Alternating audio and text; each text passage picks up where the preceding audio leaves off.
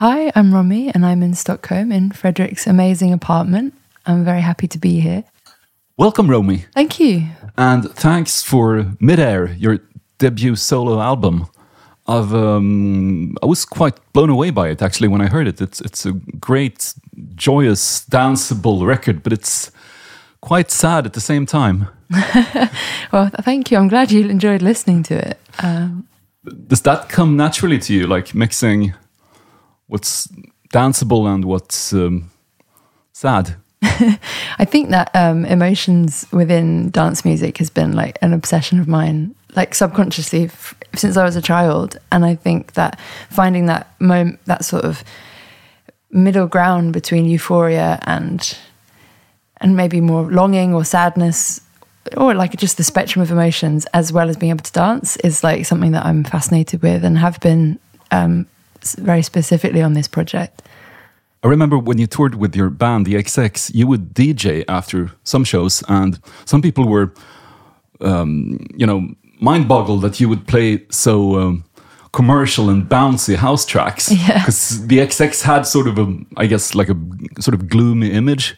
So, and that, the tracks that you would pick as a DJ did not match Yeah. what, what's going on during the concert. Did people think that you were, you know, uh, being ironic or something? Yeah, I I found that quite challenging actually because um, I've loved DJing since I was a teenager, and I used to DJ in a queer club in London, and at that time I I played a lot of the like big anthemic pop songs that I really loved that were usually played in that club and and that people were enjoying there without irony, you know, just like celebrating good pop music. So when the XX started touring and a couple of opportunities came up to DJ the after party, I was excited to do it and I played the music I had been playing.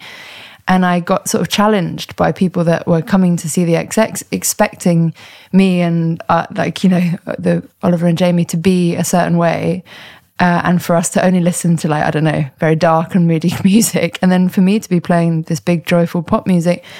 I got a few people said asked me if I was kind of taking the piss or like being ironic, and I I found it quite um, confronting because I I was like no I love this music, but I got a bit in my head about it because um, at that time I was only twenty, so like I was just you know I didn't want to do anything to I don't know. I can. I felt. I feel like I wish I'd just been like, I don't care. I just want to play this music. But I got quite self conscious, and now as I've gotten older, I've just re embraced that um, love for my my love of pop music. It, it, it's, it's funny when you know artists who are perceived as kind of moody or, or gloomy. They they might be very into pop music. I, I was um, I did this podcast with uh, Wayne Hussey from an old gothic group called The Mission, and he was in the Sisters of Mercy in the '80s, and they would cover ABBA, Cool. Yeah. "Gimme Gimme," and the people thought that they were taking the piss, but they actually loved ABBA. Yeah. Right. That's see. That's you know. I think it's. um I think that I've always really loved and assumed that everyone has quite an open mind for music, but um, sometimes it's not the case. Like I think that um, I really love all types of genres, and I and I think if a song has great lyrics and a great melody, I, I don't care what the genre is, and I love being fluid with with kind of dancing between the different genres. And I think I've noticed in the past 10, 12 years since um, I first started touring and, and first started releasing music that people seem to be more open and like less um, restricted in like, oh, you make this music, you must only listen to this music, which I think is refreshing.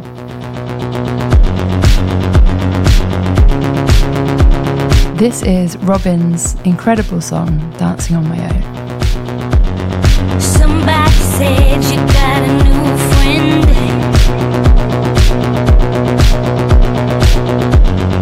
Does she love you better than I can?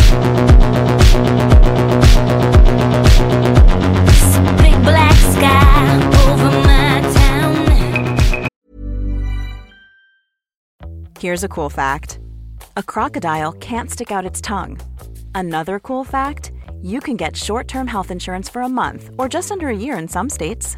United Healthcare short term insurance plans are designed for people who are between jobs, coming off their parents' plan, or turning a side hustle into a full time gig.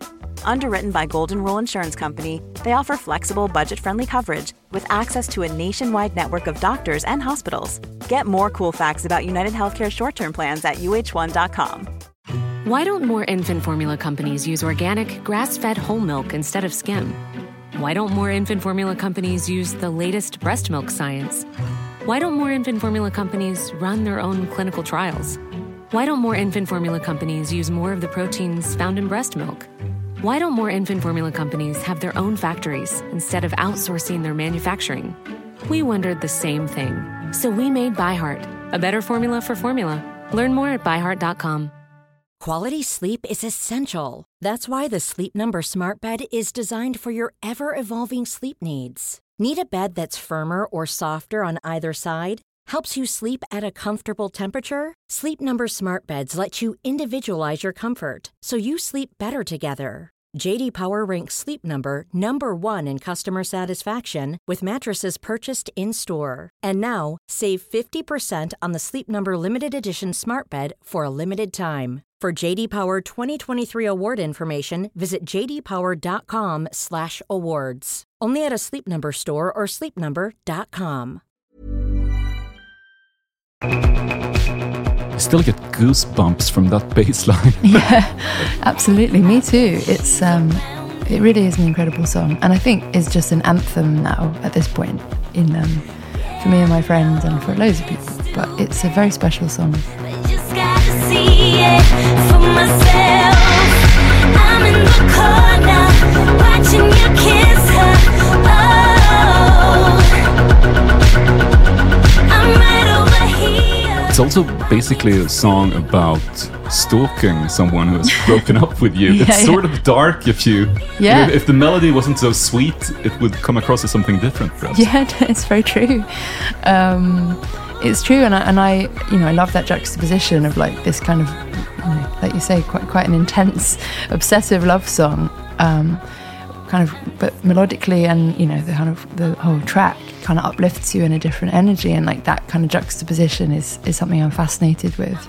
It's kind of like, uh, you know, Every Breath You Take by the police. Yes. It's the same topic. yeah, yeah, definitely. But you, you played with Robyn in London in 2017. Yes. You brought her on stage and you did uh, With Every Heartbeat together. Yeah. What was that like?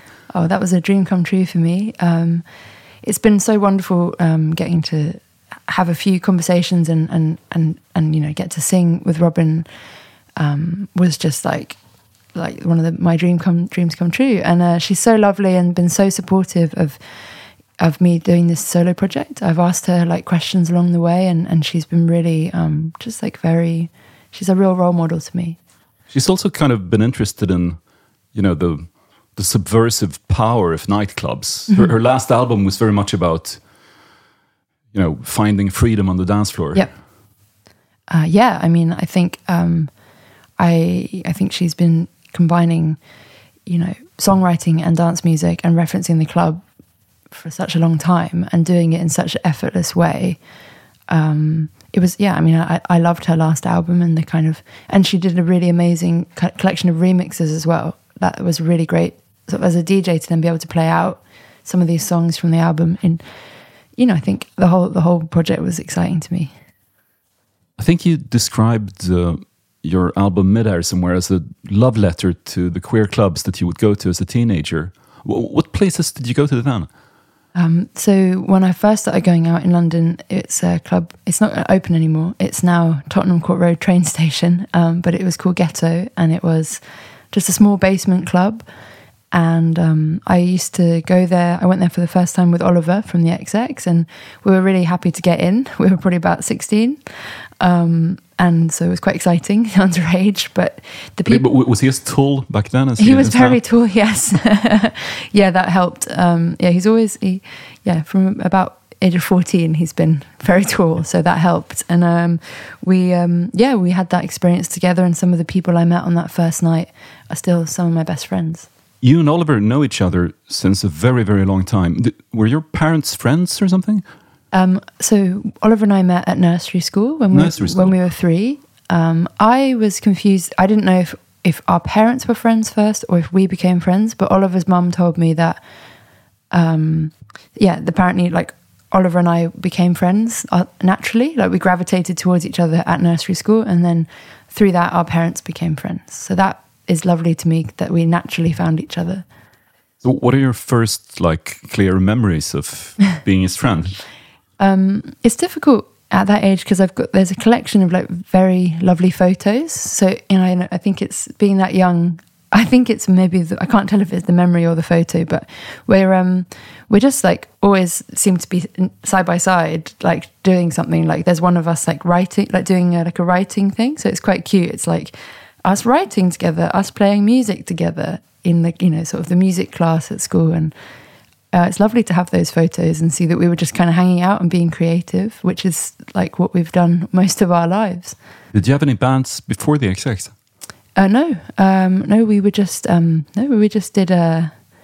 It was something that I think we both were about fourteen and, and just really falling in love with music, wanting to go to gigs and being obsessed with other bands and you know sort of getting to the stage where maybe we were thinking, can we do this ourselves? And it was very much just playing around with my friend and feeling excited about um, about just giving it a try ourselves. But we both were very shy, so I think neither of us really. I don't know the fact that we ended up on the stage is still quite a surprise to me. But it's amazing how you know shyness can become something of a power on stage. Because you, you you seemed shy on, on- stage, and that just made the whole spectacle greater. In a way. really. Um, yeah, I've, I've, you know, I was saying to um, some friends the other day, we were, we were talking about how documented everything is now. I guess if you're a new artist, and I was laughing, saying I'm kind of grateful that some of those early gigs from the XX are not on YouTube. what, what were they like? I don't think that we looked up very much. I would say that I really wanted to be there, but I don't necessarily know if I looked like I wanted to be there. um, and there was this kind of like contradictional pull between really, really wanting to perform live and sort of being part of a kind of era, I think, with MySpace and live music where everybody just played live. It was very much expected that you did that. I felt like in in our group of friends, but um, I think we so we did it, but it just took us maybe about five years to really relax on stage and feel like actually we looked like we were having fun. Now I love being on stage. It just it took me uh, a few years to get there. and it felt very live you know especially with with jamie Mm-hmm. playing the electronic drums live or, or playing the drum machine Yeah. um, you know he didn't have the rhythms pre-programmed or anything No. and it, it's you know uh, i've rarely seen people do that Yeah, we um yeah we never played with click or anything. It's always just been um I mean initially in, in the beginning um before Jamie joined, you know, we've Oliver and I have known Jamie since we were eleven. You know, so you're old friends as well yeah, so you know, when Oliver and I went, Oliver and I met at nursery, we went to primary school together, and then at secondary school on our first day we met Jamie, and then we've been best friends ever since. And he was a live drummer and like into like into sort of like producing beats and you know inspired by RJD2 and like these kind of more like hip hop beat makers. And at the time Oliver and I started making music together, we said, Jamie, will you, would you like to de- would you like to be the drummer? And he said no. Um, and I was like, he said he didn't think he was a good enough drummer. So that's when I was like, okay, we're going to have to. We made our own electronic beats, and you put them on a CD, and then the sound engineer would have to press track one, and then the beat would play. And then eventually Jamie started making the beats that went on the CD. And eventually I was like, please, Jamie, like, please. And then he had an MPC for his birthday. And then he started just playing it in the rehearsal room. And I was like, that is so much better. And I think from that moment on, having that fluidity of being able to all go out of time together was uh, a huge moment of for us. and you all went to Elliott school in putney in Yeah. south london um, i read that the former students include bands like hot chip and artists like burial and Four Tet Hmm. And also Pierce Brosnan one once went there, James Bond. what, what was that school like? Was it very creative? The school, um, it's been amazing to kind of travel around and speak about this school because you know when you're there, it's not really anything special. I I'm grateful for it. It was a very I loved growing up in London. You know, it was a really amazing group of different people from all different backgrounds, different parts of the world, different cultures. Like I loved that about growing up in London and. Um, that found that very inspiring, and it was just the normal, the norm for us, you know, to be in this big school with loads of different people, and that really had an influence on me um, in so many ways. But I wouldn't say that there was like lots of care and attention given to the students. It was a lot of kids, and there was a lot of um, li- like a lot of like chaos.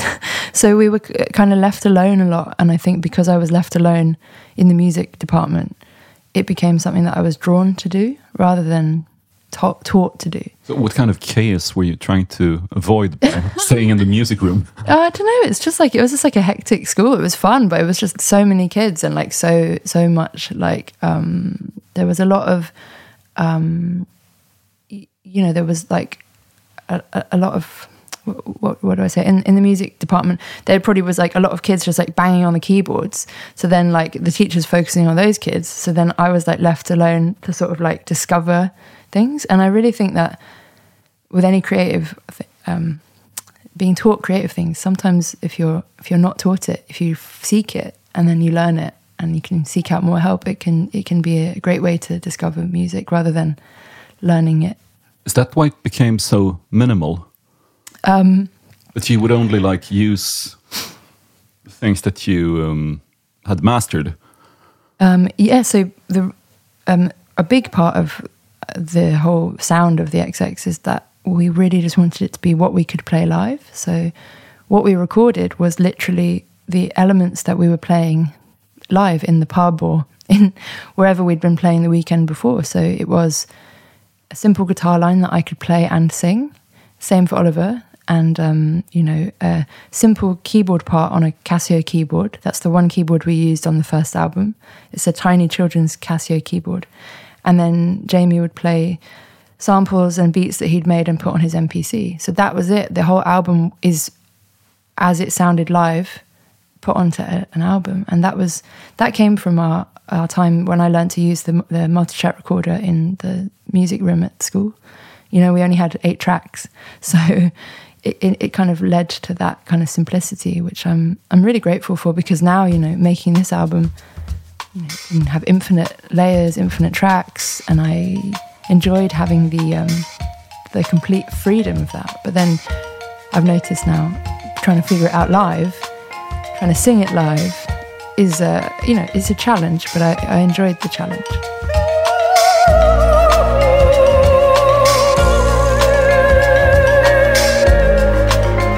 This song is called La Vita by Beverly Glenn Copeland.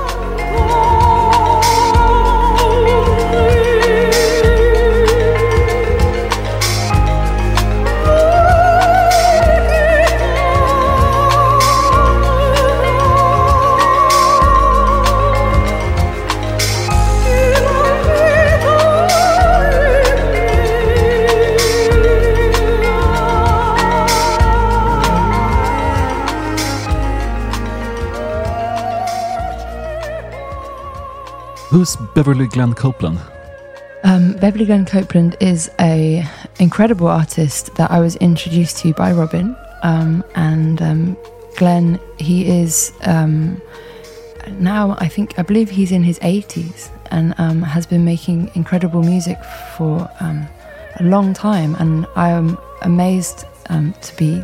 I'm just fascinated to be like rediscover, like discovering all of this music that he's made, and I'm so grateful to Robyn um, for introducing me to this music. I first heard this music in Stockholm, and so um, and the reason. In a club or at Robyn's place? Yeah, so um, at, uh, we was just I was just looking it up actually. It was a, a venue called Hosoi, and it was in the hotel uh, hotel at six, and um, it was a very intimate gig. And I was here in 2019, and I was um, and Robyn said, "Do you want to go to a gig?" And I said, I, "Yeah, of course." I but who's the artist? And Robyn said Beverly Glenn Copeland. And I said, "Oh, I don't know them." But I trust you, Robyn. So I'm so happy that I went because the performance was incredible. And this song, La Vita, is really took my breath away. And, you know, hearing Glenn sing the lyric, my mother says to me, enjoy your life, just completely um, moved me so much and stayed with me and has inspired my own song, Enjoy Your Life. So if it wasn't for coming to Stockholm um, and for, for spending time with Robyn, I, I never would have made that song. So I thanked Robyn in my album credits for that.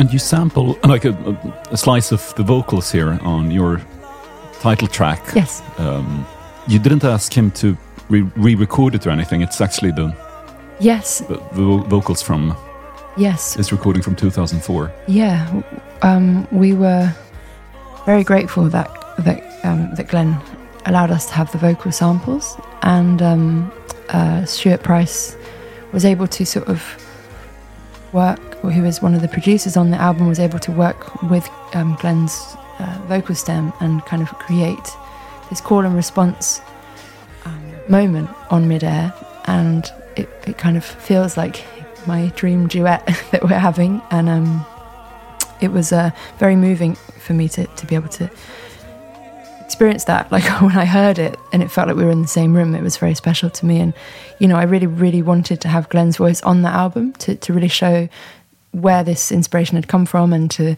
you know give more of a you know the way that I'd been introduced to his music. I hope I could introduce more people as well. And this uh, track on your album, um, the title track, works kind of as an intro to your song "Enjoy Your Life." Yes. Um, but w- when I listened to it, I thought that you know that was something that your mother had said to you. Um, Yeah. But then it turns out that it was a sample, but maybe she did say the same thing to you. I think what what resonated with me when I heard that line is, you know, that kind of, you know, my mum died when I was eleven, and I uh, and my dad when I was twenty. So I have experienced loss at a young age of like my parents, and and thinking a lot about That's horrible, losing both your parents when you're 20. You Yeah, know, that's yeah.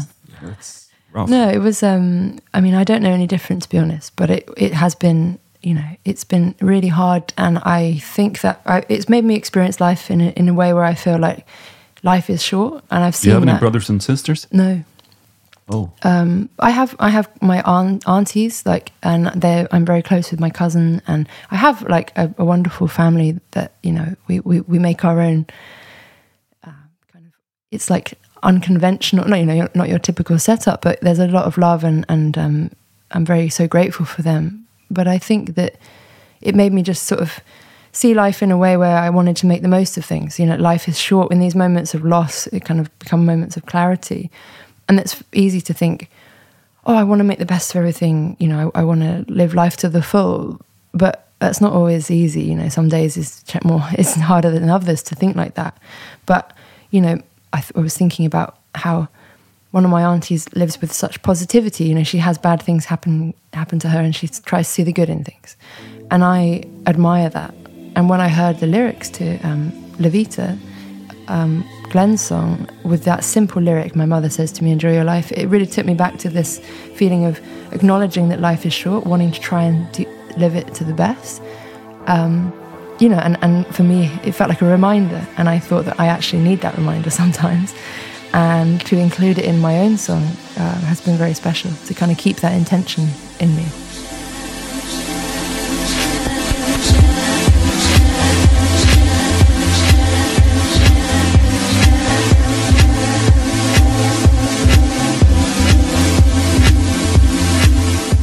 This is Madonna with Get Together.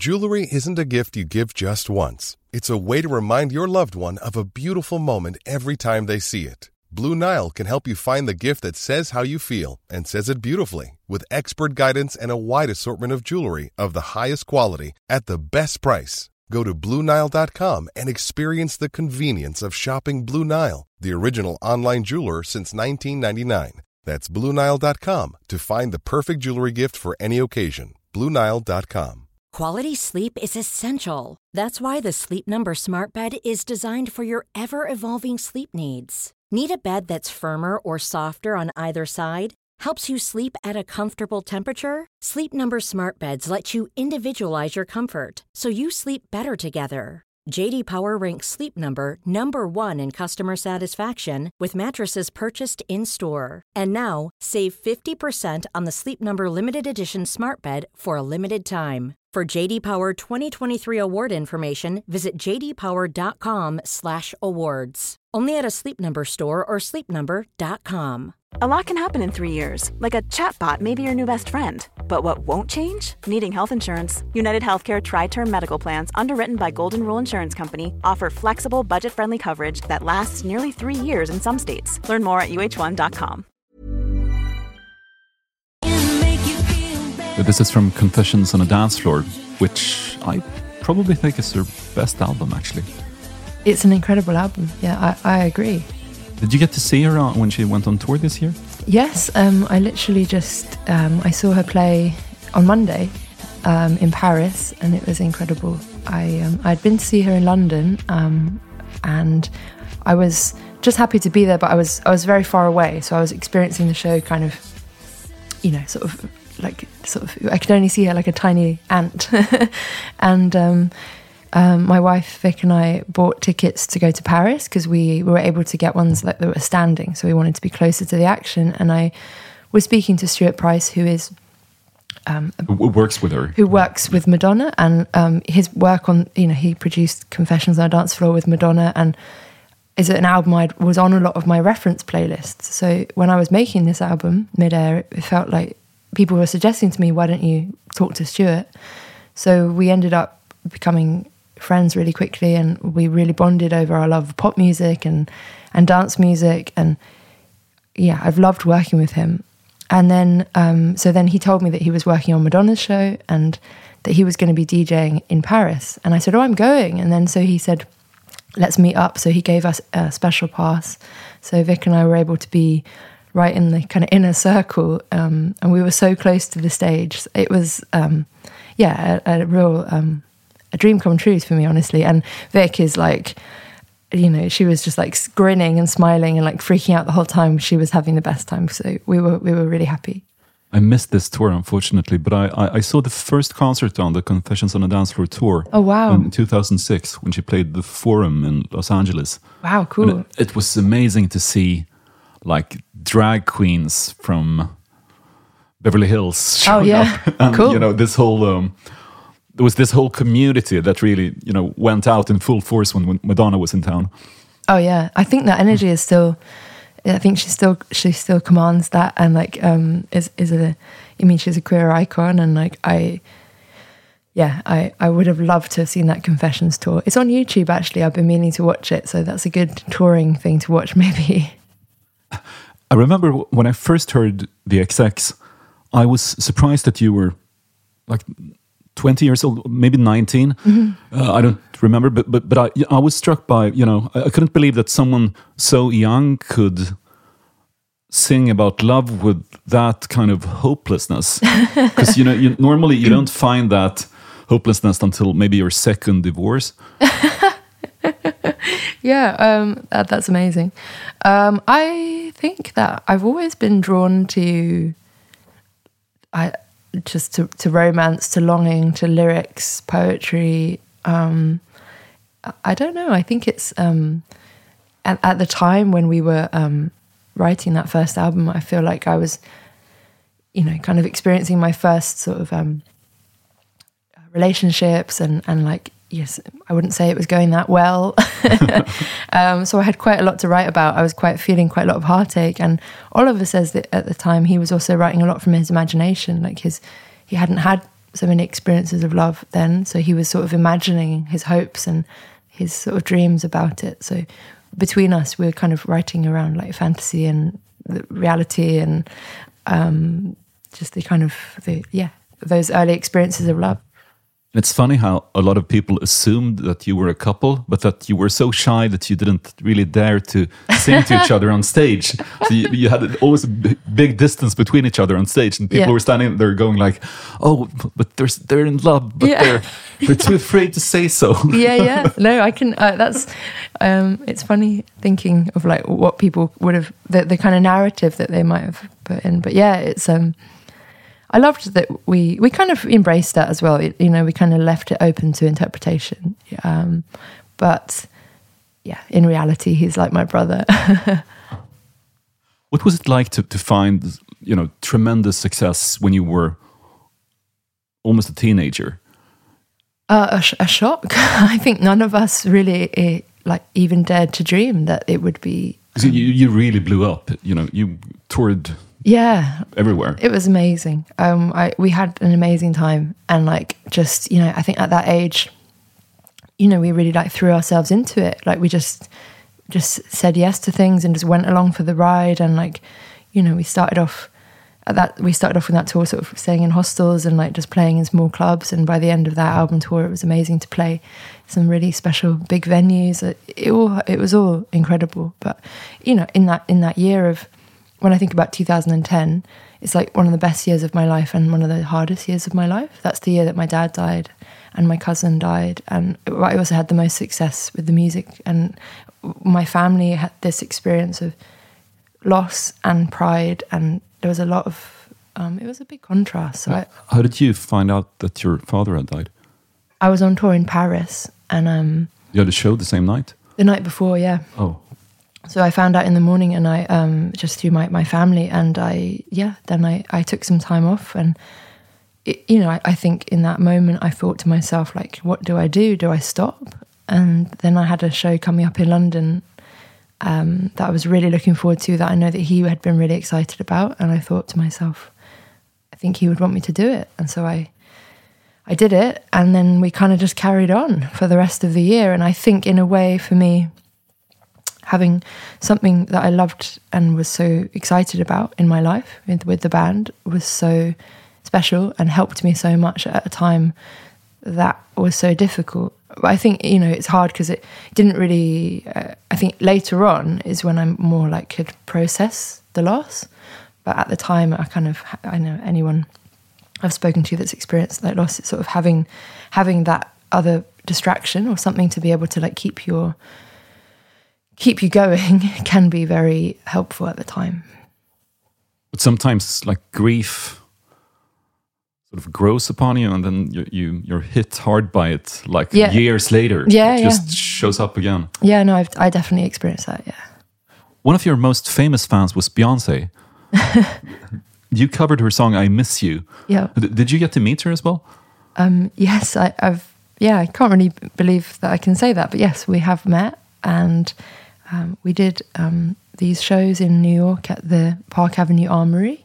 It's an amazing, uh, large space that you that the we were given the opportunity to just do something creative in, and uh, we did this show where we sort of played with the perception of space and like size of venue and intimacy and um, in when we, we we did this show for like it was for an intimate audience of 40 people a time i think it was 40 and And that was before COVID. Yes you didn't have to do it like that, but yes. you did anyway. yeah we Oh. wanted to and so we performed in the middle and the audience stood around us and um, and then the sort of the walls of this room kind of fell away and then they realized they were in a big space and we did this it was like almost like a theater show like two times a night for a few for like in, in a row and it seemed that word of mouth grew and more people wanted to come and see it so then all of a sudden we were kind of finding out that more other musicians and other people we admired wanted to come and see it and we thought we can't believe this and um you know to, to have to sort of look out very shyly on this small group of people around me and see Beyonce and Jay Z there um, is a feeling I will never forget. So those 40 people were like Beyonce and Jay Z and their entourage. Uh, no, they were like they they they crept in and they were there with with other people who had bought tickets. Um, uh, there's a I don't want to sound like I'm bragging, but there's there was a list of people that I admire um, greatly that came, and I uh, still can't believe that's real. Let's name drop a little. Who came? Bjork, um, Madonna. Um, there's there's there, yeah there's there's a few that I I am just like blown away by. There's That's some guest list. yes, it was it was honestly um, feels like um, I'm t- sort of talking about a fantasy when I say that. Um, but that was a few years ago now. So, but yeah, I, I had the opportunity to to meet some of them afterwards and thank them for coming, and it was fascinating speaking to them. Do you feel like talking? Um, this is Fred again with Me Heavy. I feel like being open. I feel my thoughts run around each evening.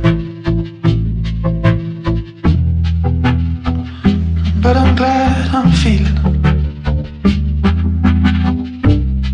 I wanna run in there and steal you out. I love this sort of warped strings. Yeah.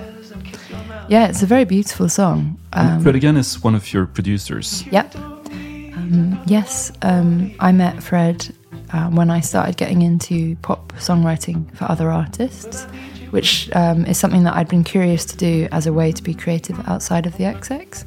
And um, it, we got sort of match made together. At the time, he hadn't released any of his solo music, and he was um, producer and songwriter for other artists. And it was we met in a very low pressure environment, and we just really um, had an instant connection.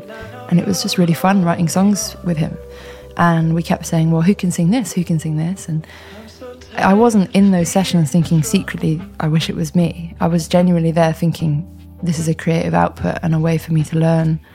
But if over time, I started to feel more um, ready to like have something to say personally and at the same time, Fred was starting to play me the music he was making, and it was just really exciting to hear. And, and I, I really love his voice, and I was I was saying, "Oh, I hope you sing more." So I chose this song because it's a song where he sings. Uh, he uses a lot of amazing vocal samples of other artists, but I do I do think it's it's lovely to hear his voice. My baby's healing. Before my knee. Fred again is an interesting artist name. Yeah, Do you know how he came up with it? I don't actually know. Um, I think maybe a friend might have said it to him, um, and I. Oh, it's Fred again. Yeah, yeah, and um, yeah. But I'm I'm so proud of him. It's it's absolutely amazing to see his success. I'm so tired of being strong. I found you exploding. You mentioned the, the club, the ghetto, where you went as a teenager. Um, you, you actually met your wife there once, and Yeah, you, you kind of became a couple when you were very young. yeah, yeah. We um Then we, you reunited yeah years later. we met um we met actually at a gig I was playing. She was there to see the band that were headlining, and I was we were opening. and you were opening for. uh, ipso facto Oh, They were, um, yeah, a sort of, um, yeah, I definitely would look them up. They're, they're a cool band. They looked great. Um, really liked the music. But yeah, Vic was a fan of them, and we were supporting. And um, yeah, it was. It was. Uh, I, at the time, we were not used to people being very energetic in the crowd, and like Vic and her friends were, were quite drunk and were like being quite fun in the crowd. And I, I got speaking to her afterwards, and we um yeah we we we had a relationship at the time we did go to that club ghetto together and um but then we lost touch it didn't work out was a source of some some songwriting for me back then so she both inspired your sad songs about having a broken heart and your happy songs on the new record about Yeah. being in love. yeah she she's been a yeah she's definitely inspired some of the songs on the first xx album and um and then is is the main source of inspiration for midair yeah It's interesting because it's you know you you've sort of switched um, the audio because normally someone would write happy songs when they first meet someone, and Yeah. then you know the sad songs come, come after yeah the divorce or the breakup or whatever. But Yeah, absolutely. I mean, you know, it was a complicated time. We were like 19 and 20, and, you know, I think it was very more like high intensity emotions for me back then. But um, it was lovely to have the opportunity to re meet someone that you had loved and like lost, I guess, in at that earlier stage in life. And then for us both to have experienced more life and more experiences and to re meet as we both were turning 30 and to have another opportunity at the relationship was, was very inspiring to me lyrically. and what's it been like for her to have so many beautiful songs written about her? Um, she's she's your muse. yeah i um I, I i mean I, I love i love being able to share that with her and like you know her she has an amazing taste in music that's one of the reasons that we first connected is we've just played each other songs all the time so you know she's also someone that i i want I like I trust her opinion, you know, I, her taste. So when I play her something, I hope that she likes it just as a music fan. And then I have to remember sometimes, oh yeah, this song is actually about her, so maybe she's feeling a bit embarrassed or um, but no, she's she's been um, yeah, she's she's been like very excited. Love Her is such a beautiful tribute. Were you saying, I don't want to control her, I don't want to change her or suffocate her, I just want to love her?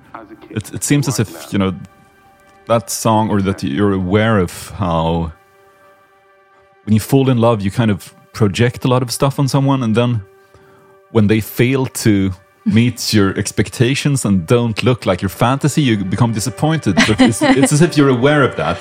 Yeah, I think I, I think at this point um, I'm aware of that, and it's interesting you picked up on that.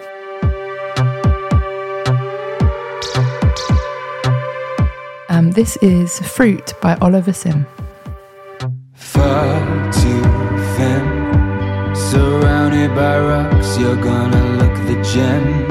You can dress it away, talk it away, dull down the flame, but it's all pretend. This is from his first solo album, Hideous Bastard. nice title.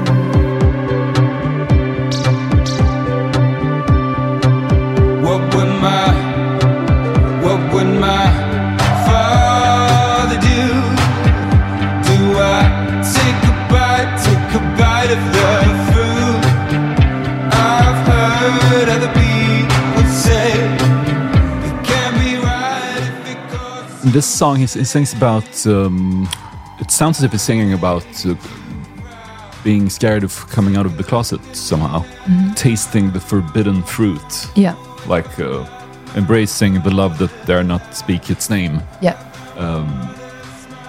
It's it's you know, it's a beautiful track.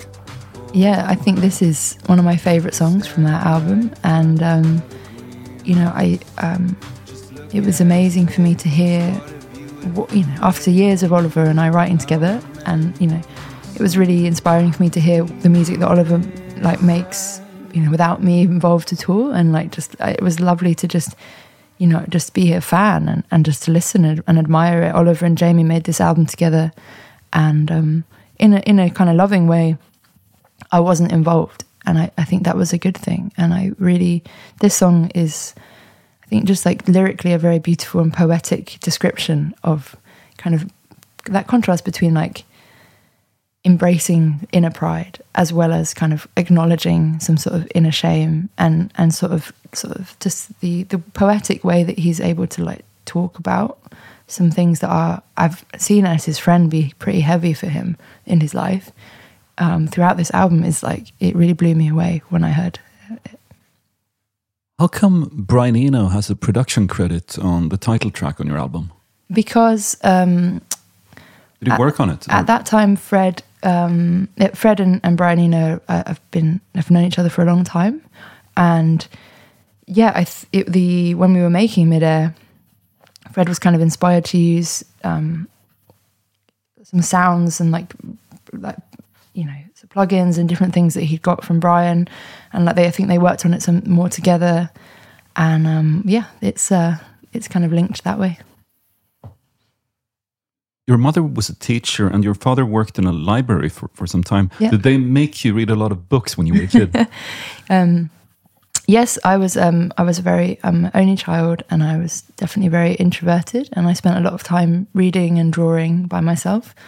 And um, there's always yeah books and records, and it reminds me. I like seeing all of your books and records and CDs here. It feels like very much like uh, what my house was like when I was growing up. what writers meant the most to you? um, Gosh, I think that I was really drawn to poetry, really, um, and I think I still am. Um, it's um, there isn't like one. I, I feel like it's more. I'll be honest with you. It's like lyric, like songwriters have meant more to me in a way. So I've I've I fell in love with with reading, but then I would say that I became more obsessed with lyrics and like, obsessed with like songwriters um, at quite a young age. And which songwriters did, did you like?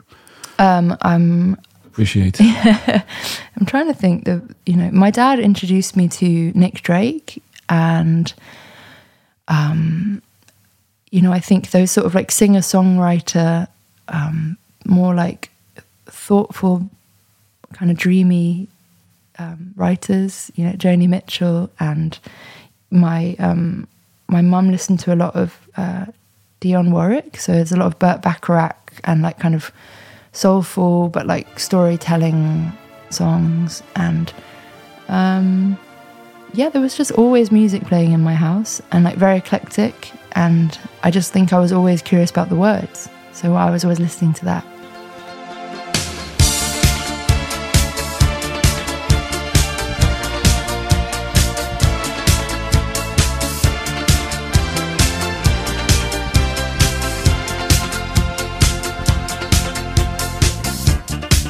uh, this is ABBA with Lay All Your Love on Me.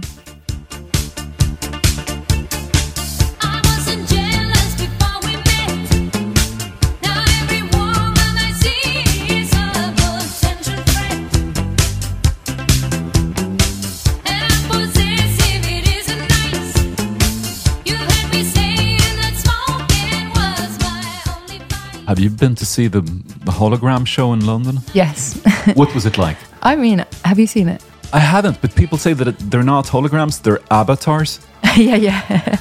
I would really recommend it. I absolutely loved it. Um, Vic is a huge fan as well. She has an ABBA tattoo. There's an ABBA tattoo. Uh, yeah, yeah. That's hardcore. Yeah, yeah. So um, we we had to go. It was like, and it was amazing. And when, the moment that the sort of curtains open, so to speak, and they come out, I was like, absolutely. I was a bit speechless. It, I thought it, I I was standing in in the in the crowd, and you feel very much like you're at at the show. So Do they look like actual people? Kind of, yeah. I mean, depends how many drinks you've had, maybe. but I, um, I thought it was, I thought it was brilliant, and um, yeah, I'm, I'm a really big fan, and I think that um, I went to the ABBA Museum in Stockholm as well um, when I was here with Vic, and we had a lot of fun there. So yeah, I'm a big fan.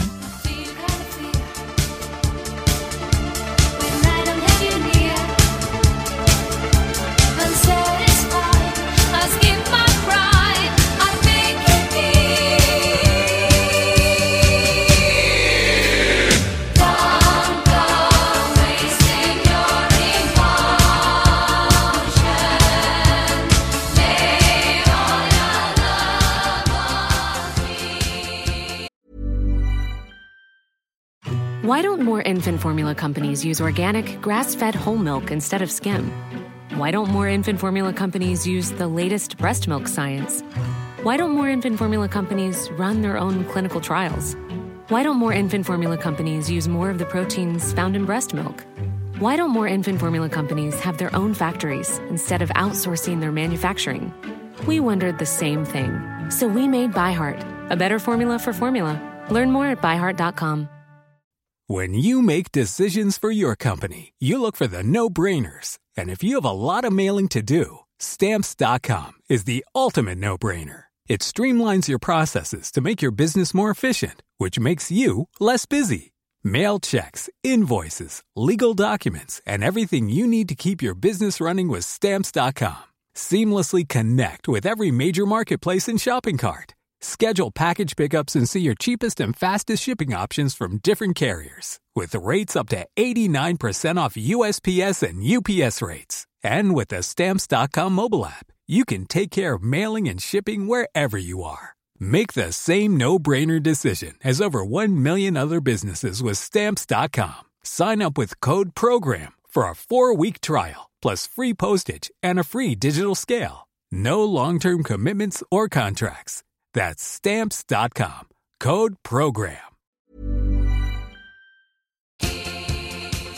I have a couple of questions from my listeners, and not just any listeners, but the brave souls who support this podcast through Patreon. The first question is from Magnus Dunberg, who lives in the tiny village Åseda. What inspires you? Um, that's a great question. Um, I think that uh, people inspire me the most, and like just, obs- I've always been a bit more of like an observer. Maybe not quite as much in the in the creepy uh, stalking way of dancing on my own.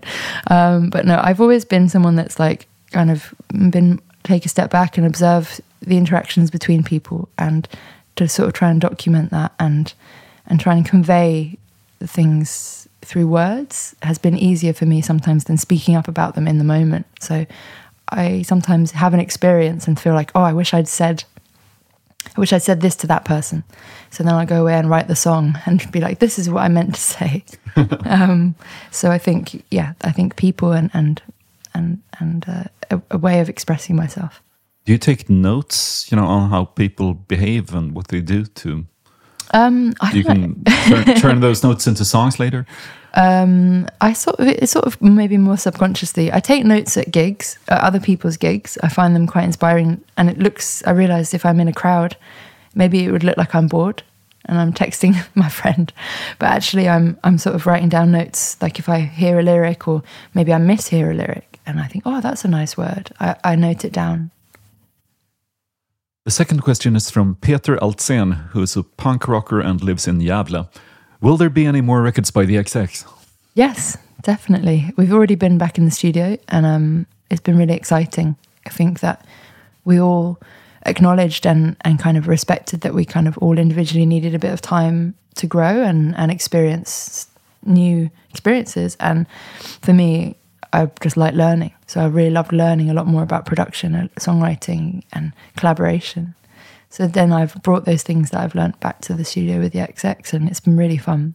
And so Oliver and Jamie have both brought back their experiences. So It's nice that all three of you have had like successful solo careers because a lot of times when you're in a band, you know, there's one or maybe two people who, you know, can go solo, but the others don't. yep, But uh, and in your case, the drummer was the first one to really Yeah. become huge. yeah, I'm so proud of Jamie. It's um, it's amazing to me, and you know, I think that um, it made a lot of sense to me because he was always producing and like making his own music alongside the music of the XX. So it felt very natural to me that he would um, he would do that. But I think for Oliver and I, I don't think either of us ever planned to go solo. But I think actually it's been really great for us to express some different things and and to then individually let people who might know the XX more as just a unit to let people get to know us as individuals. Um, so the next time we make an album, maybe they'll have a different context. what do you do for Christmas now? Um, well, it feels very Christmassy here, which is really nice. Um, I am looking forward to going home. I um, just be with my family, be with my wife's um, side of the family as well, um, which has been, you know, coming from a small family now myself. Um, my wife has a very big family, so it's nice to all be together at Christmas. And right after Christmas, I will go to Australia to play some gigs. So um, I'm making the most of the kind of wintry feeling, and then I'm excited to have some sunshine. What's on your Christmas wish list? Um, world peace, to be honest. I uh, I don't think I can ask. What, what, what a sensible answer. I uh, I don't need any presents. I just yeah I um I think just being together and um yeah uh, yeah genuinely mean that about about peace for the world. But it's um I think that yeah just I think in these moments where things are, are difficult and and upsetting in the world, I think being together and, and sharing love is is the best that we can do. Great final words. well, Merry Christmas, Romy. Thanks for coming here and thanks for all the great music. Thank you.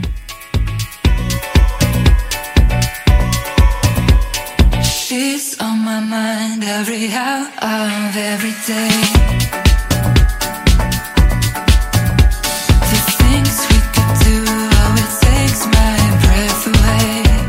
Den här podcasten producerades av Daniel Bäckström för Lejon Media. Romy var hemma hos Strage.